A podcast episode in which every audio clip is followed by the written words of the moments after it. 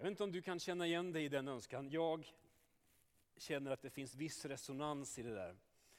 För många av oss är vardagen full av förväntningar, uppgifter, glädje och sorg. Och när vi lyssnar på varandra så inser vi att man hinner med mycket på en vecka. Och det kan se så olika ut. Jag vet inte hur din vecka har sett ut. Men livet det rusar på och vi försöker göra så gott vi bara kan. Jag tror att det är de allra flesta som gör det. Vi försöker hantera arbete eller skola. Vi försöker ta vara på våra familjer, våra relationer, vår fritid och i bästa fall också få lite tid till träning kanske. Men hur ska vi navigera i allt det här? Det är inte så enkelt att göra det, för vi omges av så mycket, så mycket som både är tilltrasslat och ibland också trasigt. Så även om vi är många som gör så gott vi bara kan, vårt bästa, så är vi också många som känner att vi inte riktigt räcker till. Trots goda intentioner, god vilja, så händer det att jag faller till korta. Och jag kan bli trött på mig själv och jag önskar att jag vore lite mer lik Jesus. När Lena Ringstad skickade över den här låten av någon Zack Williams hade jag ingen aning om vem han var. Men vilken fin låt. Han är upphovsmannen till den sången som vi just fick lyssna till. En sång som också är, precis som Lena sa, en bön. Jag önskar att jag vore lite mer lik Jesus. Jag önskar att jag hade lite mer tålamod och fördragsamhet i mötet med allt det där tilltrasslade. Jag önskar att jag var lite mer generös och vänlig. Jag önskar att jag vore lite mer som Jesus. För trots kaotiska omständigheter så är Jesus lugn och vänlig. Han är trygg och klarsynt även när det stormar. Han är en fascinerande personlighet och folk drogs till honom i stora skaror. Både för det han sa och gjorde, men också för den han var. Det är gott att bara vara omkring Jesus. Och denne Jesus, han har en förunderlig förmåga att hantera stress och press. Även om det är massor av folk som ständigt tränger sig på, så har han tid både för att se och ta vara på mötet med den enskilde människan. Han är annorlunda. Petrus var en av dem som levde mycket nära Jesus och han har sagt, och jag gillar den här beskrivningen, Jesus, han är vägvisaren till livet. Att lyssna till vad Jesus säger och att notera hur han lever sitt liv, det hjälper oss att navigera genom den vardag som är min. Jesus vill visa oss på vägar till ett helt liv. Och det rymmer mycket. Det är därför vi med början idag och söndagarna fram till påsk, under det vi kallar för fasteperioden, vill predika om Jesus. Det är ju inget nytt, vi brukar tala om Jesus. Men under den här perioden så vill vi inte först och främst lyfta fram vad Jesus sa, utan framförallt skulle vi vilja studera hur han levde sitt liv. Vilka goda vanor hade han? Vilka andliga praktiker eller övningar var det som bar upp hans liv? Och Det här är inte heller någonting nytt, inget nytt studium. Det finns flera, kanske till och med många pastorer och teologer som har tänkt och skrivit om det. Bland annat Daniel Röjås i den här korta lilla boken som heter just Helt liv. I den här boken lyfter han fram några vanor som Jesus praktiserade.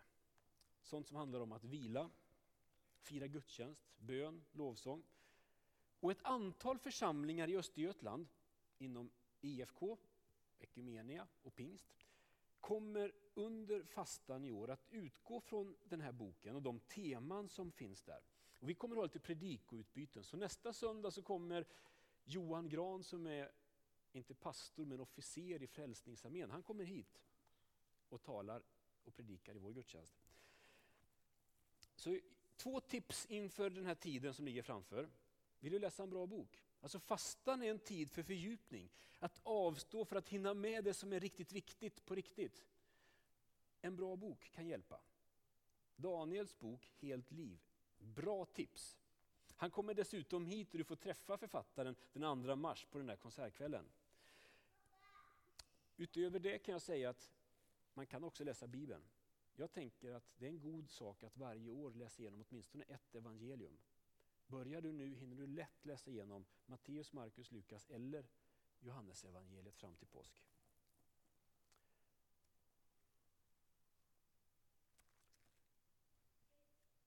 Så under söndagarna här framöver så kommer vi att lyfta fram några goda vanor som Jesus hade, som gör att livet kan bli helt.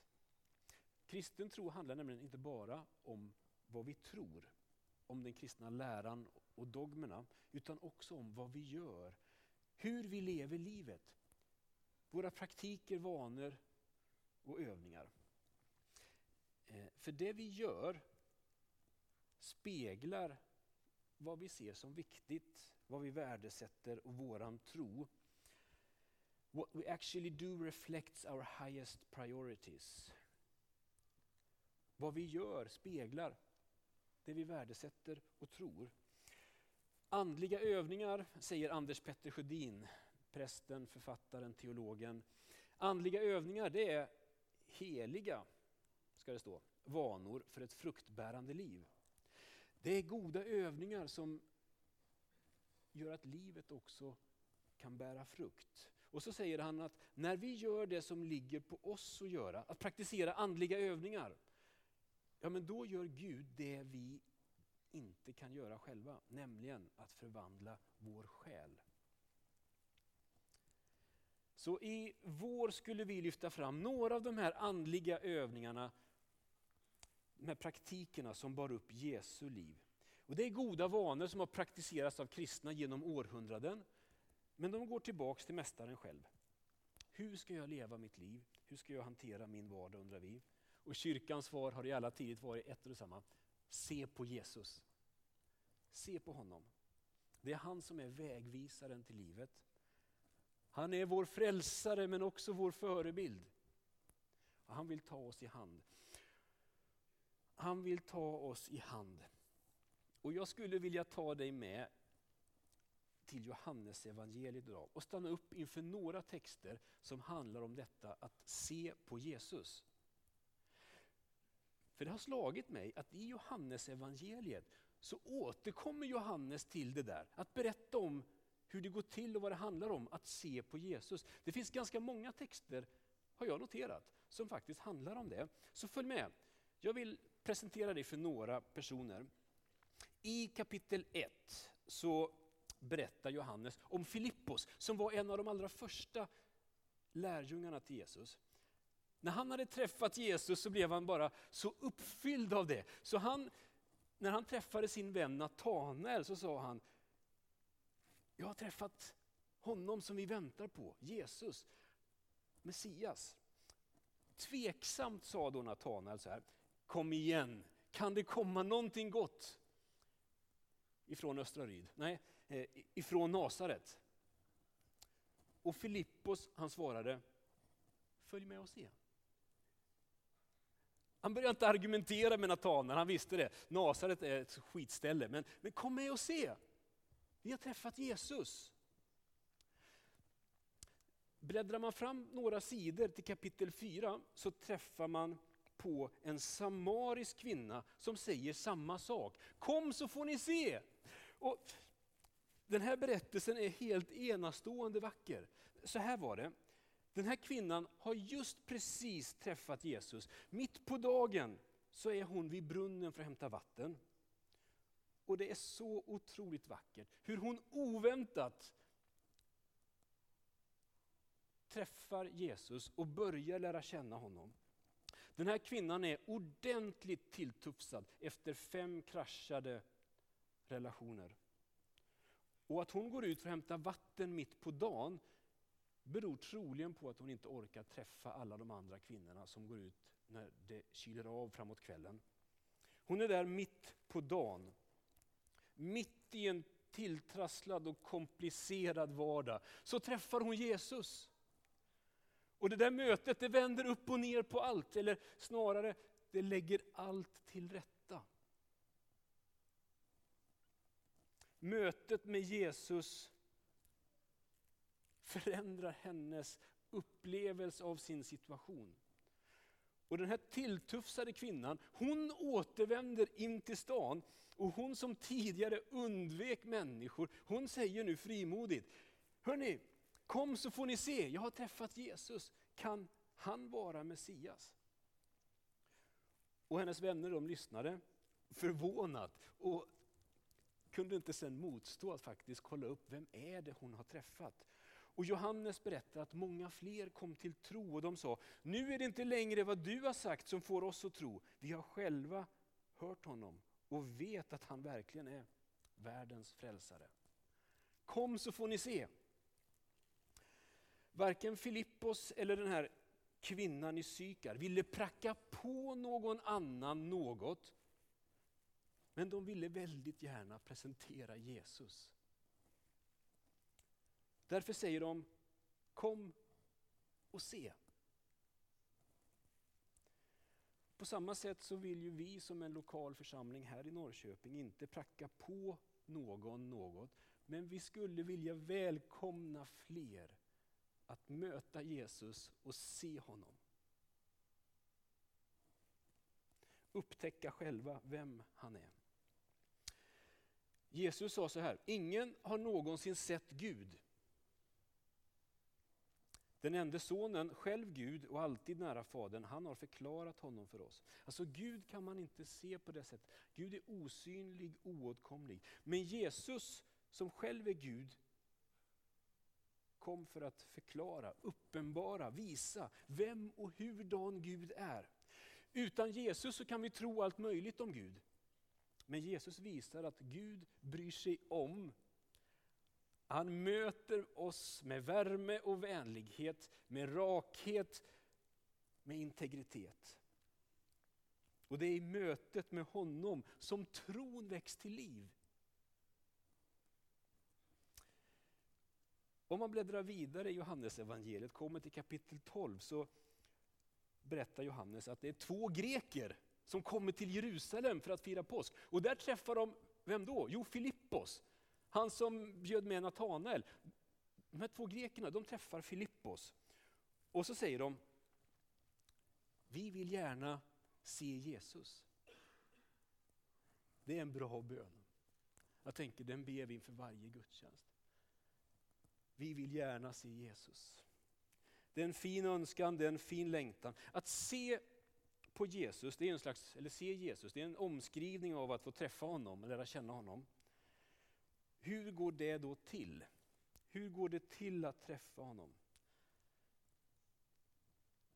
Jag tror att jag kan hänga ut dig Elin, det klarar du av. Jag ser Elin sitter där. Förra veckan så hade vi ett kort men faktiskt intressant samtal som jag har gått och grunnat på lite i veckan.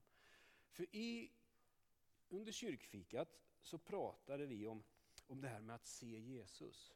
Och Elin berättade om ett heligt ögonblick i en kyrka. Och hon sa, och jag håller helt med, att jag tror att det är vi, både kristna och den som inte ser sig som kristen, egentligen längtar efter och behöver mer än någonting annat, det är att få erfara Guds helighet. Guds närhet. Att se Jesus, träffa honom. Men hur går det till? Vad är det som gör att vi i en gudstjänst kan uppfatta Guds helighet och i en annan inte göra det på samma sätt? Och jag tänker att det är en skillnad mellan att veta och att känna. Jag kan ju veta en hel del om solen, sånt där som avstånd och diameter och temperatur. Men det är ju någonting helt annat när jag igår står ute på altanen och känner hur solen strålar, värmer upp inte bara ansiktet utan kroppen. Att själv erfara. Det går att veta en del om Jesus detaljer om hans uppväxt och liv. Men det är någonting annat att själv erfara hans omsorg, hans ledning och godhet. Den kristna tron, läran, den är viktig och angelägen, men inte allt. Tron har också en personlig, relationell dimension. Evangeliet behöver förklaras men också erfaras. Och det är det som gudstjänsten och andliga övningar syftar till. Att öppna upp för mötet med Jesus. Jesus han kritiserade judarna och sa så här. Ni forskar i skrifterna därför att ni tror att de kan ge er evigt liv. Just dessa vittnar om mig.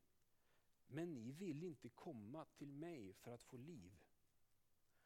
Alltså ni håller på med Bibeln men er läsning tar er inte till mig. Och då har någonting blivit knas. För hela poängen med bibelläsning, gudstjänstfirande, andliga övningar är att de öppnar upp för en andlig erfarenhet, ett möte med Jesus.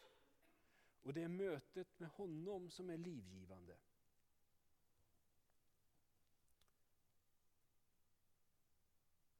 I det första kapitlet i Johannes evangeliet så möter vi två personer som har varit i närheten av Jesus under en hel dag verkar det som. De har varit där, lite på avstånd. Och sen när skaran börjar skingras så är det som att de följer efter Jesus. Han tycks gå före och sen plötsligt så vänder sig Jesus om och frågar Vad vill ni? Alltså, vad vill ni? En bra fråga. Och vad svarar de här på då? Värsta möjligheten att ställa en fråga, man har hört mycket under dagen. Vem, var bor du? Det känns som en lite konstig fråga. Liksom.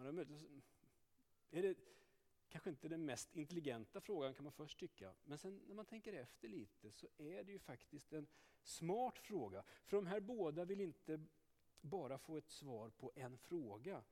De vill veta var Jesus bor. Så de kan vara med honom, hänga med honom. Och vad tror ni att Jesus svarar? Följ med och se. Följ med och se. När Jesus möter människor så är inte första frågan, tror du på Gud? Det är inte heller efter en fem veckors serie om bönen Vår Fader, kan du be den bönen? Nej, han säger bara kom med och se. Kom med och se. Det är så det börjar och det är så det fortsätter. Kom med, följ med. Var med mig och där i hans närhet så sker och pågår något.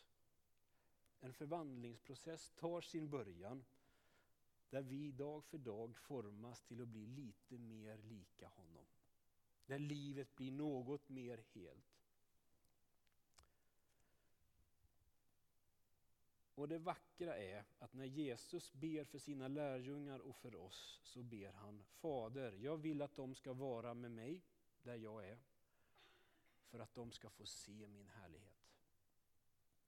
Det är vad han vill. För dig och för alla.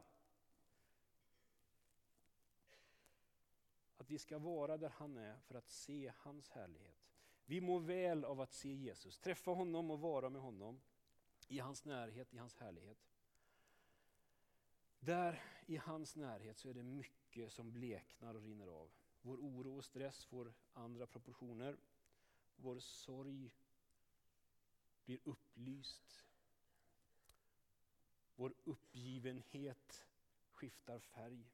Det vi trodde var helt kört visar att det bär på oanade möjligheter. Tron väcks till liv bara med att vara i Jesu närhet. Det är därför som Paulus ber att den Helige själv skulle ge vårt inre öga ljus så att vi kan se vem Jesus är. Inse, veta och känna att han är vår tillflykt, vår framtid, vårt hopp, vår glädje.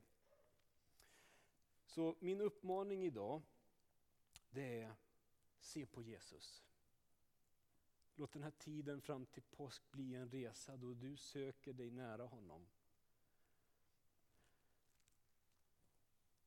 Det är min bön för oss.